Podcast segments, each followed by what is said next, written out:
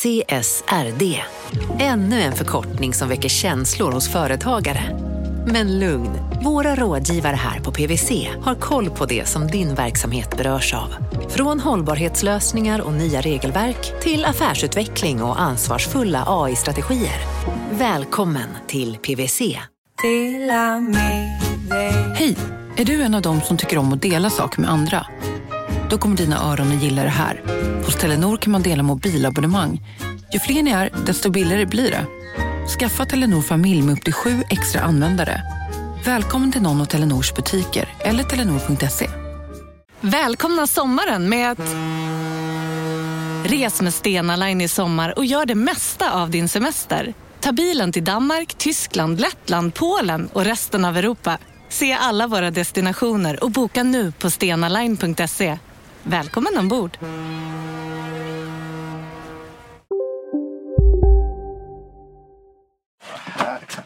Från Monopol Media, det här är Kapitalet. Jag heter Gunnar Harjus. Och jag heter Åsa Secker. Inte där. Och jag befinner mig på Erik Walls vind på Kungsholmen i Stockholm. Erik letar efter en eh, grej. Vad för grej? Det är ett papper. Inte det pappret han först hittar, för det han hittar först är ett sånt här du vet, upplevelsepresentkort. Eh, kör Lamborghini. Det är fan ett presentkort. Den här koden har jag aldrig använt. Den där har ju gått ur. Jo, men eh, det har den. Men jag har... Jag tror att, man, att jag skulle kunna ringa dem och få... Eh, eh, Kan man få tillbaka på sådana presentkort? Enligt Erik kan man det. Det här är en stor nyhet för mig. Jag är lite skeptisk eh, just då. Jag ska säga att jag har en känsla av att sådana här upplevelseföretag helt går runt på att folk inte cashar in sina upplevelser. Men jag hinner inte säga det för att... Här! Här! Titta! Här är den ju. Nu hittar då Erik det vi egentligen letar efter. Och vad är det han egentligen letar efter? Det är ett pyttelitet papper, kanske A7, alltså så typ post-it eh, size i princip. Eh, Och det här lilla pappret berättar en väldigt märklig historia. Eh, to Mr Eric Wall from Tokyo District Court Civil 20th Division. Och så massa nummer. The announcement from bankruptcy tru- trustee of Mount Gox. Det håller på sådär ett tag. Okej. Sen till slut så står det ett namn. Står det hur mycket Robert coins? Mary Mark Karpeles. Ja, just det. Ja, det är så han heter. Eh, jag behöver lite hjälp här. Borde det här säga mig någonting? Mount Gox, Robert, Mary, Mark, Karpeles. Vad är det som pågår? Så här, Mt. Gox var en gång i tiden världens största bitcoinbörs. För fem år sedan hanterade Mt. Gox över 70 procent av all världens bitcoin. Idag hanterar de noll. Hur gick de från 70 till 0? Vad hände? Det som hände var en serie mer eller mindre osannolika händelser som förändrade kryptovalutans framtid och mitt i alltihopa stod Erik Wall. Och allt han fick var en väldigt liten papperslapp och en väldigt bra historia. Mount Gox efter det här. Vi sponsras av Storbrand Asset Management som ju förvaltar över 1000 miljarder norska kronor, bland annat för SPPs eh, många pensionssparare. För två år sedan så investerade Storbrand i drygt 60 tåg, alltså tågvagnar, eh, som rullar mellan London och Skottland. De leasar sedan de här tågvagnarna till tågoperatören som alltså kör tågen och säljer biljetter och sånt eh, med ett avtal på 27 år. Så britterna får nya fina tåg och Storbrands kunder, eh, däribland alltså SPPs pensionssparare, får en inflationsskyddad avkastning med låga risker under lång tid. Det här är ett av supermånga exempel på hur pensionskapitalet i växande omfattning bidrar till att bygga samhället och inte minst till att klara klimatmålen. Det behövs elproduktion, elnät, batteriparker, nya transportlösningar och allt möjligt. Bara i Europa antas investeringsbehovet för att klara klimatmålen uppgå till tusentals miljarder dollar. Och det här är ju pengar som ganska ofta saknas i statsbudgetarna. Däremot är det här pengar som pensionsbolagen kan vara med eh, och stoppa in, vilket ger pensionsspararna en fin avkastning under lång tid samtidigt som man är med och ställer om samhället. Vi har gjort ett helt avsnitt om det här eh, som man kan lyssna på. Det publiceras här i Kapitalet i mitten av maj. Ratta gärna in det om ni vill lära er mer om hur det här funkar. Men tack säger vi till Storbrand Asset Management som ju investerar i alla tänkbara tillgångslag, bland annat för pensionsbolaget SPP. Och tillsammans försöker ju vi, Storbrand och SPP, öka medvetenheten om hur pensionerna funkar och vilken roll pensionerna spelar i samhället och i ekonomin.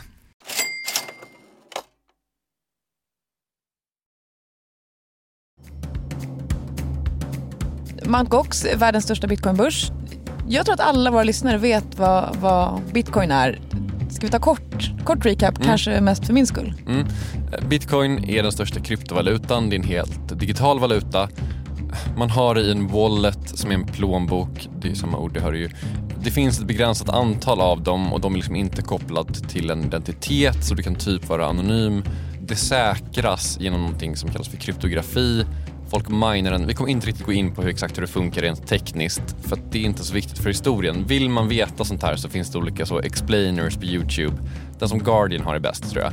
Det finns liksom ingen bank eller riksbank som styr pengaflödena. Det är ganska viktigt att veta.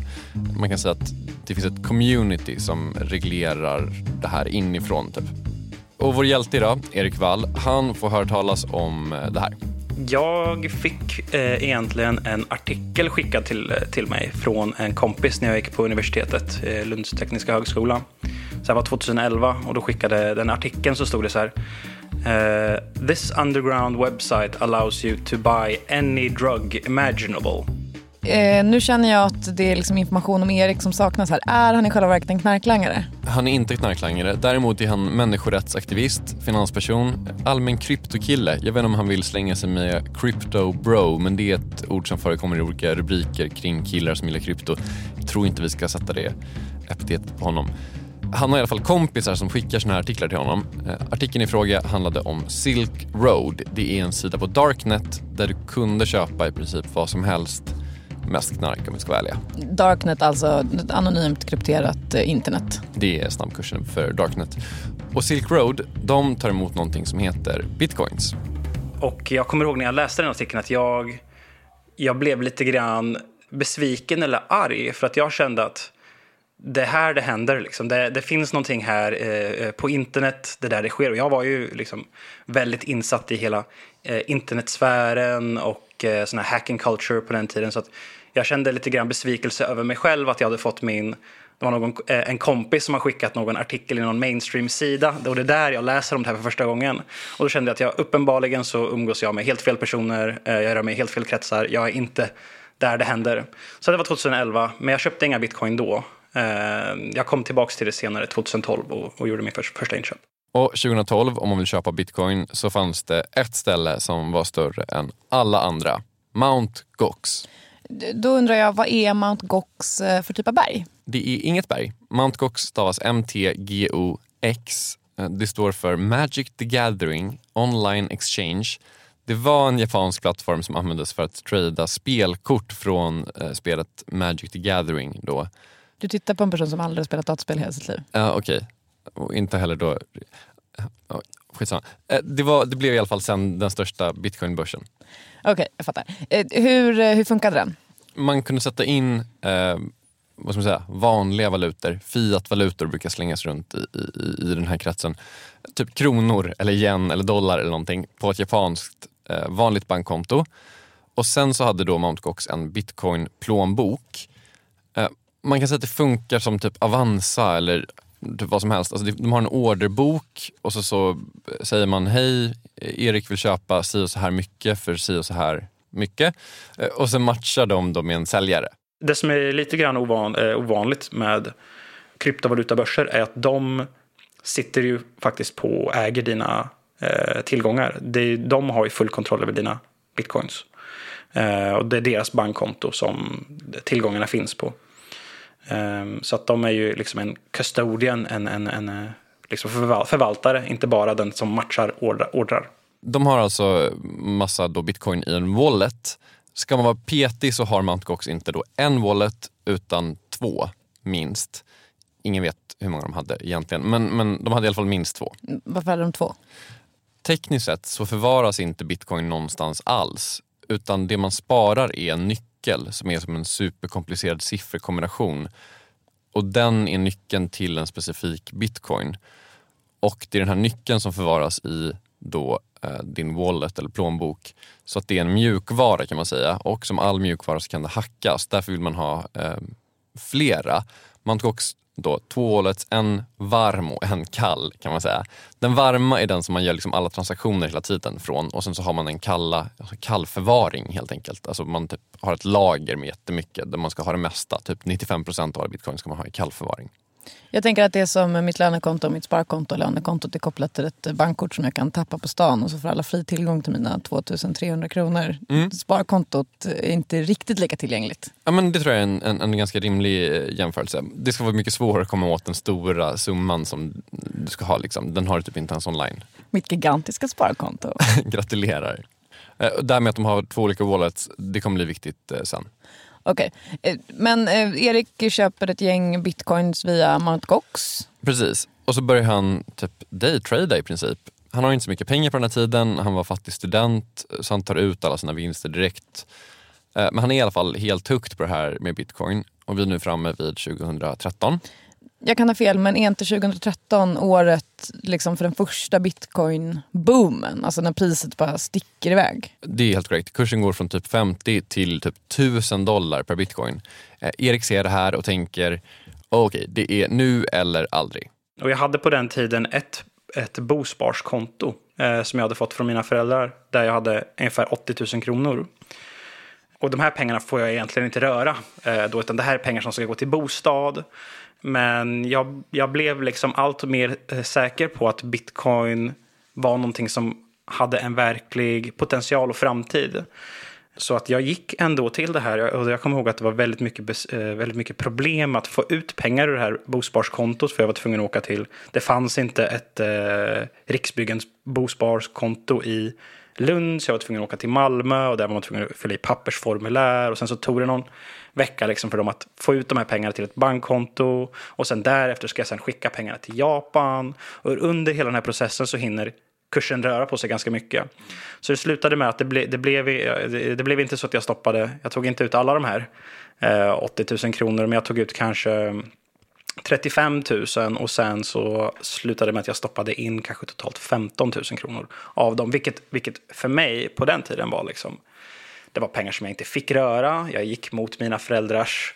Eh, jag, pratade inte med dem om det här, utan jag tänkte att de kommer aldrig förstå eh, varför det här är så himla viktigt. Eh, så att det är, ett, ett, beslut som jag gör privat och sen så kommer de förstå poängen med det här eh, långt senare. Så att det var, jag, jag, jag, tog, jag, gjorde väldigt, jag tog väldigt stora risker för att, eh, för att eh, göra den där initiala satsningen. satsningen.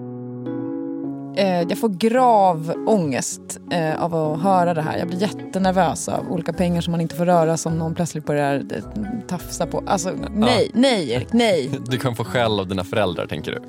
Skäll av föräldrar, ångest för resten av livet, plötsligt är jag hemlös om du Mm. vet. Jag fattar.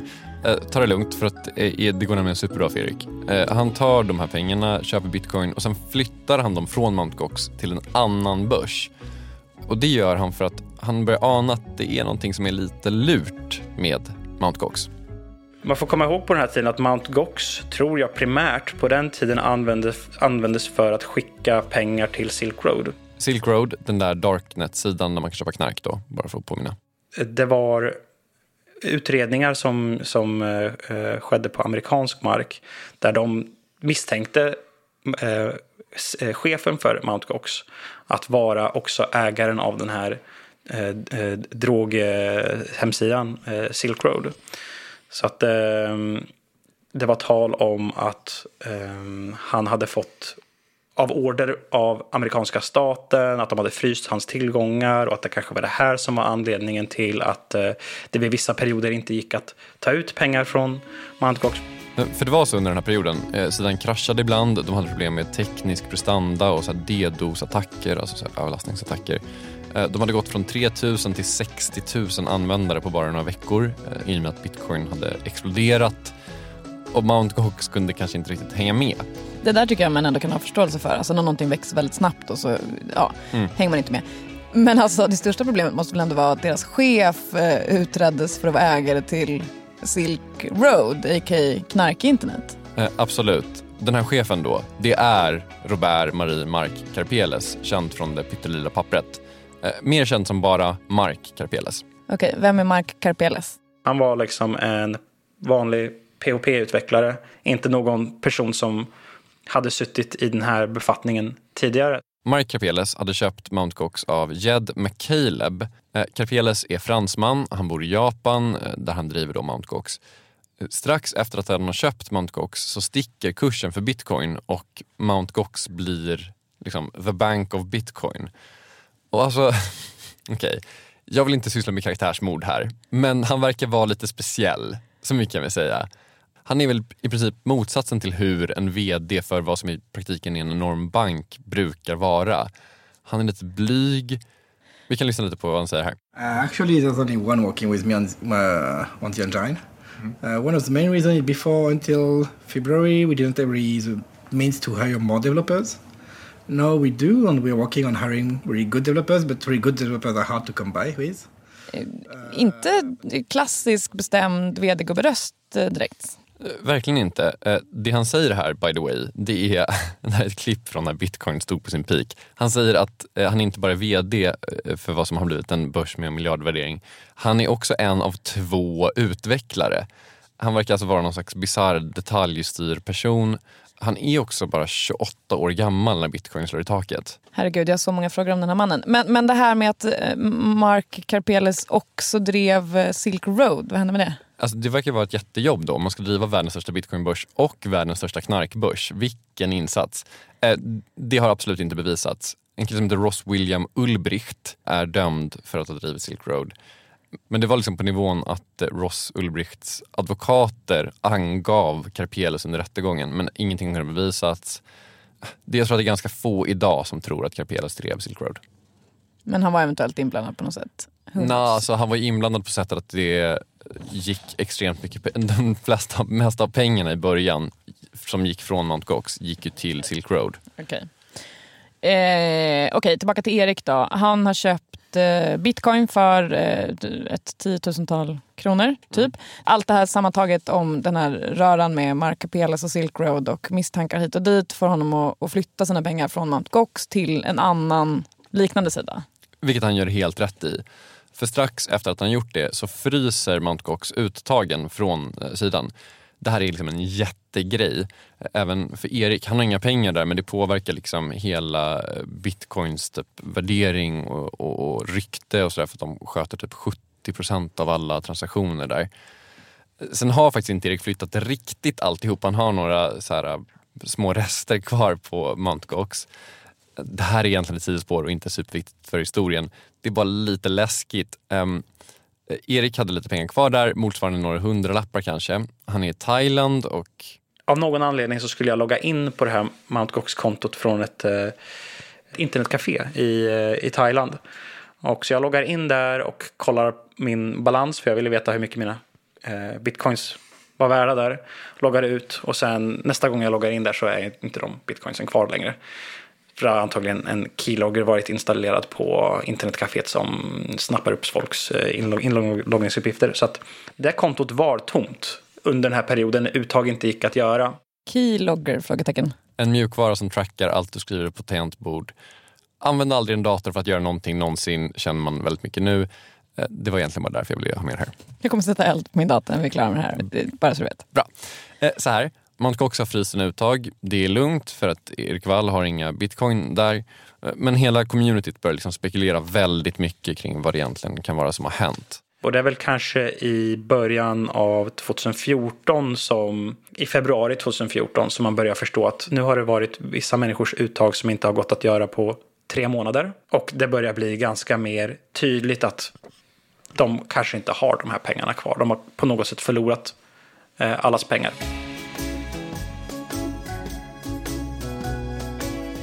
Jag blir såklart jättenyfiken på hur det kan ha gått till. Men också det här, Erik Wall har en liten papperslapp eh, där det står att Mangox är skyldig honom pengar. Hur gick det till? Han hade ju inga pengar där. Han hade ju varit smart och lugnat mina nerver, flyttat allt eh, och sen hade en keylogger tagit de sista smulorna. Mm. Det är en jättebra fråga. Hur Erik Wall blev indragen i världens största bitcoinbörsfall och sen faktiskt blev blåst en gång till efter det här.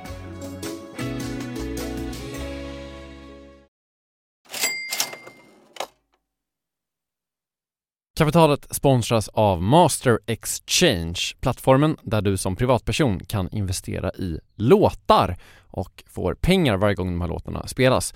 Eh, vi berättade ju senast eh, om barnlåten Puff the Magic Dragon som noterades av Master Exchange under våren.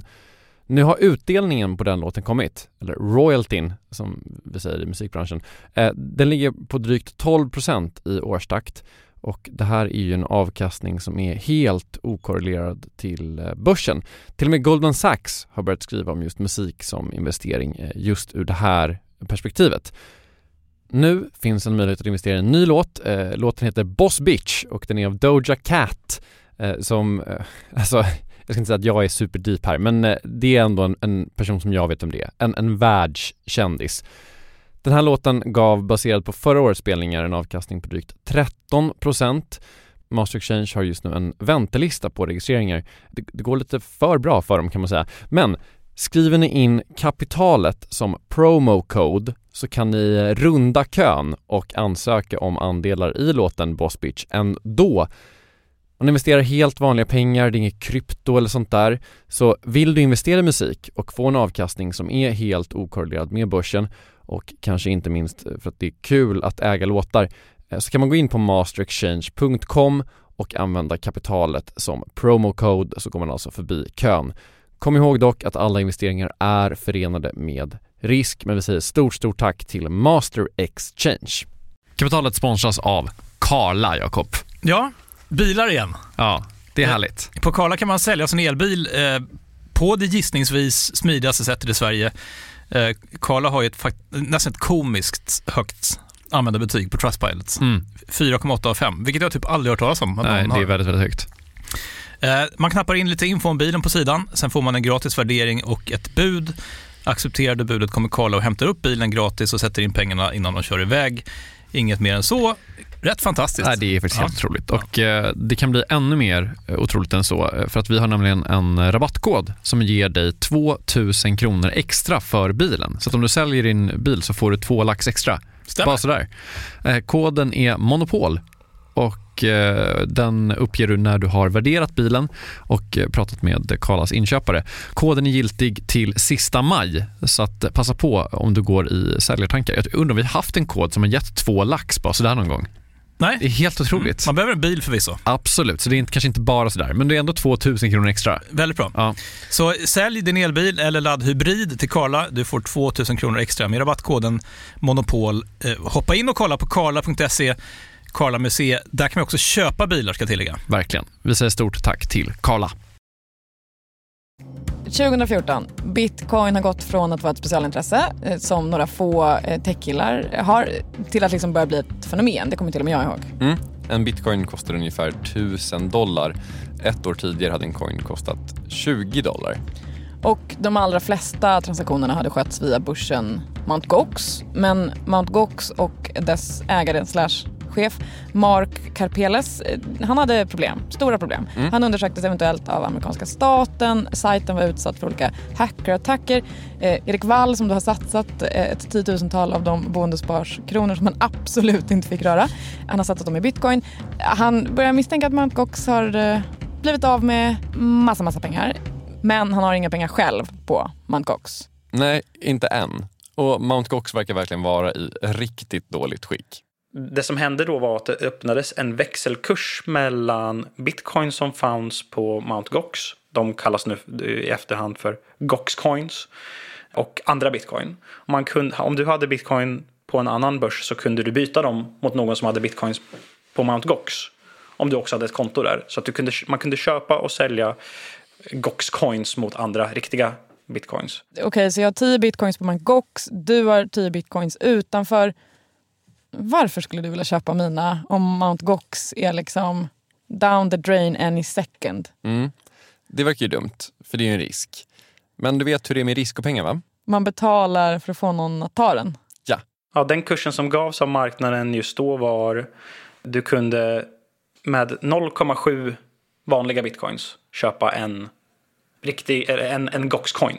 Så jag kan då köpa dina 10 bitcoin på Mt. Gox för 7 av mina coins. Um, det är så jag har värderat risken då.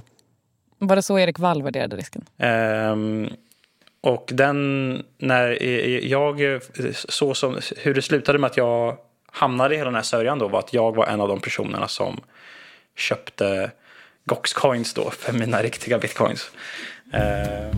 Jag är på inga sätt en kryptovalutaexpert. Jag skulle aldrig någonsin våga påstå det. Jag var inte med på tåget 2014, men jag känner lite så här. Var det den smartaste saken i världen att köpa Gox coins i det här läget? Alltså jag vill bara påminna samtliga. Det var alltså folk som inte hade kunnat göra uttag på tre månader. Ja, jag vet att det låter ju helt eh, korkat nu i efterhand. Eh, jag tycker, eh, alltså, ja, inte bara låter, det var ett korkat beslut. Ehm, men ja, ehm, jag tog en risk helt enkelt. Och han fick ju betalt för den risken, 70 cent på dollarn. Men jag menar, Erik verkar inte korkad, även om han själv säger att han var det. Alltså varför gjorde han det här? Ja, men det fanns faktiskt massa saker som tydde på att det här var en ganska smart grej att göra. Man kunde verkligen tänka att Mt. Cox problem var tillfälliga. Tekniska problem som de hade, det går ju verkligen att lösa. Säg att Mark Rapelas då var under bevakning av amerikanska staten, vilket han var för övrigt, och fått sina tillgångar frysta. Det kommer liksom inte hålla för alltid heller. utan alltså alla coins behövde inte ha gått upp i rök bara för att de hade problem. Och då kunde det vara gott att gå in med en investering där helt enkelt. Mm. Om det var en bra risk. Jag, jag köper det. Hur mycket hade han gått in med då? Det vill han inte säga exakt och det får vi väl respekt för. Men det var ungefär lika mycket som det han hade köpt bitcoin för innan. Alltså typ ett tiotusental kronor. Eh, indirekt pengarna från hans bosparande kan man väl säga. Eh, pengarna som man inte skulle röra. Vad händer sen? Eh, det som händer är att det kommer ut mer och mer nyheter på olika forum och i media som alla har samma budskap. Mark Karpeles har på ett eller annat sätt lyckats förlora alla coins. Och den här växelkursen mellan Gox coins, alltså Mt. Gox bitcoins och vanliga bitcoins. De faller 0,7, 0,6, 0,5, 0,3. Eh, panik. Absolut. Men inte riktigt för Erik. Du minns det här med en kall och en varm plånbok? Det har Erik koll på. Absolut. Alltså den som Mt. Gox gör sina transaktioner ifrån och sen den som man har som lager. Mm. Erik resonerar så här. Det troligaste sättet som någon skulle kunna bli av med en väldigt, väldigt stor mängd bitcoin, det är att den varma plånboken har blivit hackad. Så tänker Erik. Är det någonting som blir hackad så är det den. Och det är typ inte hela världen för man har den kalla kvar. Exakt, och rimligtvis ska då den varma innehålla 5% av alla tillgångar. Och han tänker då att även om de blivit av med mer än 5% det kanske till och med är så att de har blivit insolventa, tänker han. Men säg att de måste likvidera bolaget, då kanske man kan betala ut 80% av alla tillgångar. Och då är ju 0,7 fortfarande en bra kurs.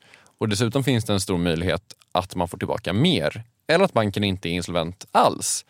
Sen kommer det ett besked från Mt. Gox själva. Till slut så kommer ju budskapet att uh, uh, det saknas en enorm mängd bitcoins från Mt. Gox. Hur enorm? Um, alltihop. Totalt tror man saknas det någonstans mellan 750 och 850 000 bitcoins. Eh, Erik har förlorat alla sina bitcoins. Han har tagit ett tiotusental kronor av de pengar han absolut inte fick röra, investerat dem på den här börsen, kanske mot bättre vetande och nu har han torskat allt. Ska vi strö lite extra salt i såren? Ja, det ska vi tydligen göra. Idag hade de här coinsen varit värda en dryg miljon jag både känner och inte känner med Erik här. Eh, men jag tyckte ändå att hans resonemang där inte lät helt dumt med kalla varma plånböcker och hit och dit. Så vad var det som hade hänt? Det som hade hänt hade egentligen hänt långt, långt, långt tidigare eh, när Mark Karpeles köpte Mount Gox av Jed McCaleb. Jed McCaleb hade eh, redan då eh, ett, en lucka på 80 000 eller 90 000 bitcoins. Så att eh, han sa att eh, han hade lyckats förlora de här på något sätt. Jag vet inte om han hade blivit hackad. Men på den tiden så var inte 90 000, 80 000 bitcoin så mycket pengar. Det här var väldigt tidigt. Det var när han köpte börsen 2010 eller 2011. Så att han sa att ja, men bara du driver börsen i något år så kommer du ha tjänat tillbaka de här 80 000, 90 000 bitcoins. Vilket Jed McCaleb hade rätt i. För även om man tog en pytte, pytte, pytteliten transaktionsavgift på Mt. Gox så borde man tjäna in de här pengarna ganska snabbt. Det gjordes ganska mycket transaktioner på den här tiden och en coin var värd typ en dollar. Men eh, Hur mycket är 80 000 bitcoins värt idag? 6 miljarder kronor. Inte lika lätt att känna igen, kanske. Nej, alltså de har liksom tydligen under hela den här perioden jag försökt jaga ikapp och så här, köpa upp bitcoins och de använder men de har liksom aldrig riktigt kommit ikapp. Och hur mycket de än har försökt så har det, liksom, det här hålet bara blivit större. Okej, så det var det här som fick Mt. Gox eh, på fall? Ja men lite det. Ganska mycket det. Men också massa andra saker.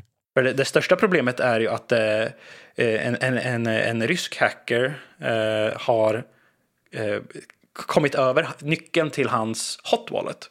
Och varje gång Mark Karpeles fyller på den här hot wallet så drar den här ryska hackern ut eh, eh, coins hela tiden. Och det här har han alltså gjort ända sedan 2011. Och Mark Karpeles, han har inte koll på den totala balansen av bitcoin som han har. Så han förstår inte att, eh, han, eh, att, att, att, att börsen läcker coins hela tiden. Men eh, det som är summan av kardemumman är att eh, Mt. Gox blöder coins under hela sin historia. Totalt handlar det om 80% av alla bitcoin de någonsin haft genom det här då initiala hålet och andra hackers. Den här stora ryska hackern som tog det mesta, han heter Alexander Vinnik. Han är gripen men eh, ja, inga coins har återförts. Hur gick det för Erik? Jag eh, kommer ihåg hur jag själv, så det här var, minns datumet till och med, det var 28 februari 2014 då det är en eh, pressändning från Mt. Gox. Då de ska berätta för japansk media att, eh, vad det är för någonting som har hänt. Och då så säger man att eh, ja, man har lyckats schabbla bort de här.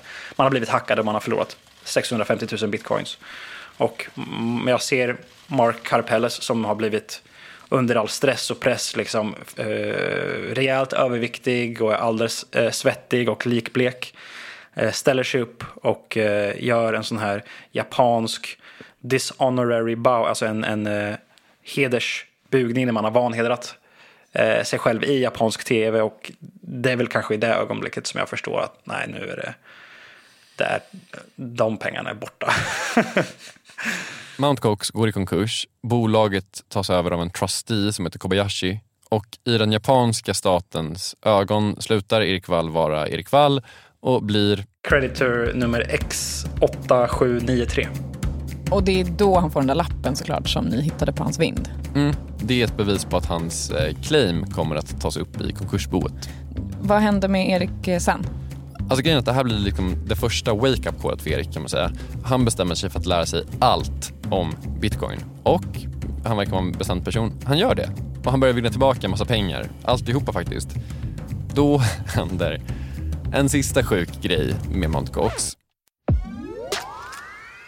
De har tydligen inte blivit av med allt. De hittar, efter två veckor, 200 000 bitcoins.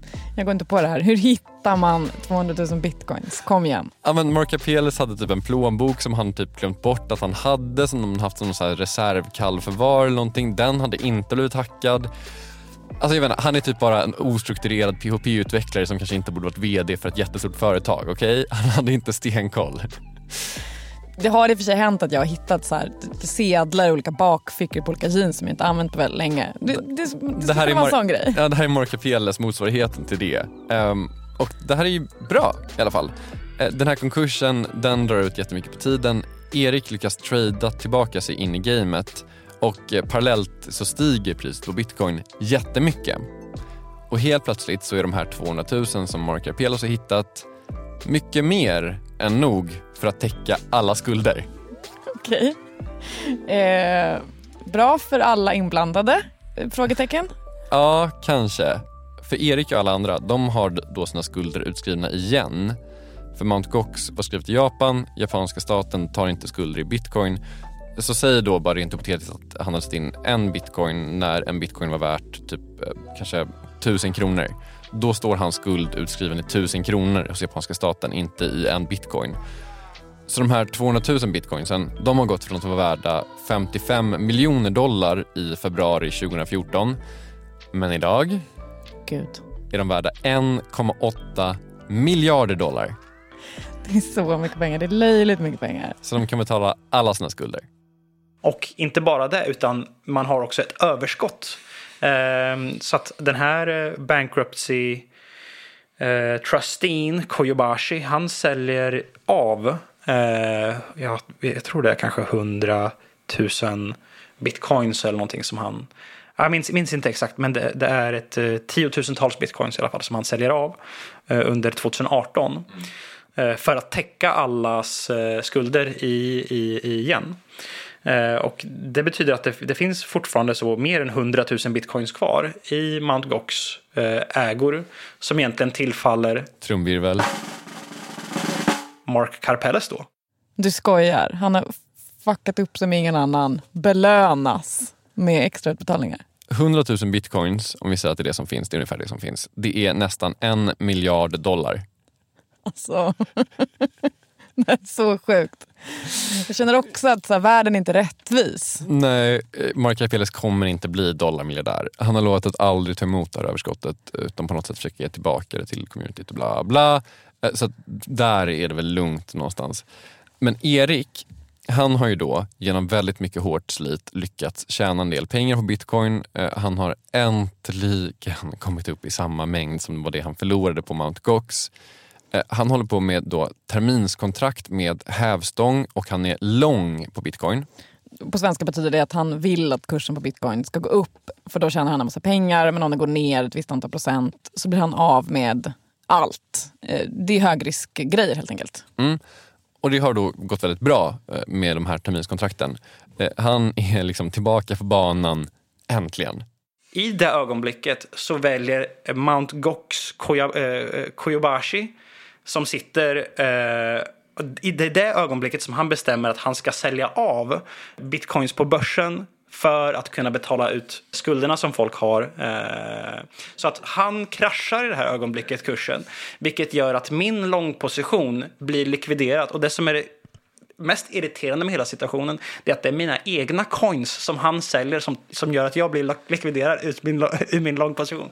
Så det är fem år, som jag, ja, fyra, fyra år som det har tagit att trada mig tillbaks till den här situationen. Jag sitter äntligen i det läget jag drömt om eh, under hela den här tiden. Och då så så säljer han tillbaka. Han, då dumpar han mina egna coins på mig så att jag likvideras och gör en, en, en, en av mina större tradingförluster på grund av det här eh, oförutsedda. Så den här trusteen som sköter konkursen eh, säljer massa eh, bitcoins, kursen går ner, eh, då slutar Eriks papper att vara värda någonting. Och det är ju för att kunna betala skulden till Erik som Erik förlorar pengar. Det blir någon slags grekiskt bitcoin-drama där räddningsförsöket blir det slutgiltiga dödande slaget eller någonting.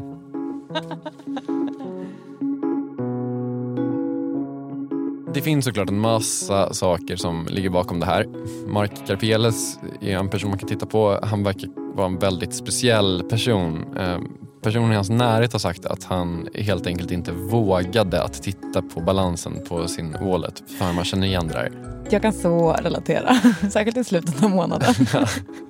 Han anade kanske att det hände någonting. Han fick en villkorlig dom på två och ett halvt år eh, för record tampering till slut. Eh, ingenting för förskingring som han misstänktes eh, för till en början. Han verkar mer ha varit inkompetent än liksom gjort någonting direkt olagligt på det sättet. Men det här säger väl kanske också någonting om att hela systemet är lite sårbart. Det tror Erik Wall också. Det finns till och med bitcoinbörser som hackas idag. Det var någon här om månaden bara man kanske har lärt sig av eh, Mark Karpelles misstag och, och kollar balansen då och då. Det tycker jag man, man eh, om ni driver en bitcoinbörs där ute, kolla balansen då och då. Jag har en eh, sista fråga. Så här inne. Hur gick det för Erik? I den här konstiga stickan. Mm. Här ligger mina bitcoins i säkert förvar idag. Eh, här kan inte någon eh, eh Koyobashi eller Karpelles göra någonting som påverkar hur mycket bitcoin som finns där inne. Så att eh, jag har gått över till säkrare sätt att eh, lagra mina bitcoins idag. Ja, den här andra smällen var ganska hård, men han har återhämtat sig igen. Och han har blivit rik, får man nog säga, på det här med bitcoin. Slutet gott, allting gott? Slutet gott, allting gott. Men eh, det har ju tagit liksom majoriteten av mitt vuxna liv att försöka reda ut den här eh, ja, situationen. en sista fråga. Berättade du någonsin för dina föräldrar om att du torskade? Mm, nej. Uh, men, uh, men... Har, du berättat, har du berättat idag att du vann till slut? Uh, nu så vet ju min mamma om att i alla fall på pappret så har jag eh, varit liksom multimiljonär i kryptovalutor noterat. Så att jag tror inte att hon ska komma och, kommer, och, kommer och klaga Erik, de här 15 000 kronorna som inte finns på ditt eh, bosparskonto, vart är de egentligen? Utan nu så förstår hon att jag har liksom grejat och listat ut det här och jag, jag vet vad jag, eh, vad, vad, jag gör nu i alla fall. Så att eh, eh vi har inte haft den diskussionen. Med det är Kapital slut för den här veckan. Vi som gjort det här avsnittet heter Gunnar Harjus och Åsa Secker. Jakob Kjell är VD för Monopol Media som gör den här produktionen. Kristoffer Krook har slutmixat och på Instagram heter vi snabel A kapitalet. Kan ni följa oss där tack? Vi vill ha tusen följare, vi är väldigt nära. Vi är väldigt nära, vi vill ha det nu. Nu. Vi är tillbaka med ett nytt avsnitt om en vecka. Hej då. Hej då. Nu kommer mina föräldrar säga att ja, men köpte du de där låtsas eh, magiska påhittade pengarna och eh, du fick noll kronor tillbaka av de pengarna som du satte in från vårt bosparande Erik. Uppenbart liksom så har du gjort eh, bort dig helt här liksom.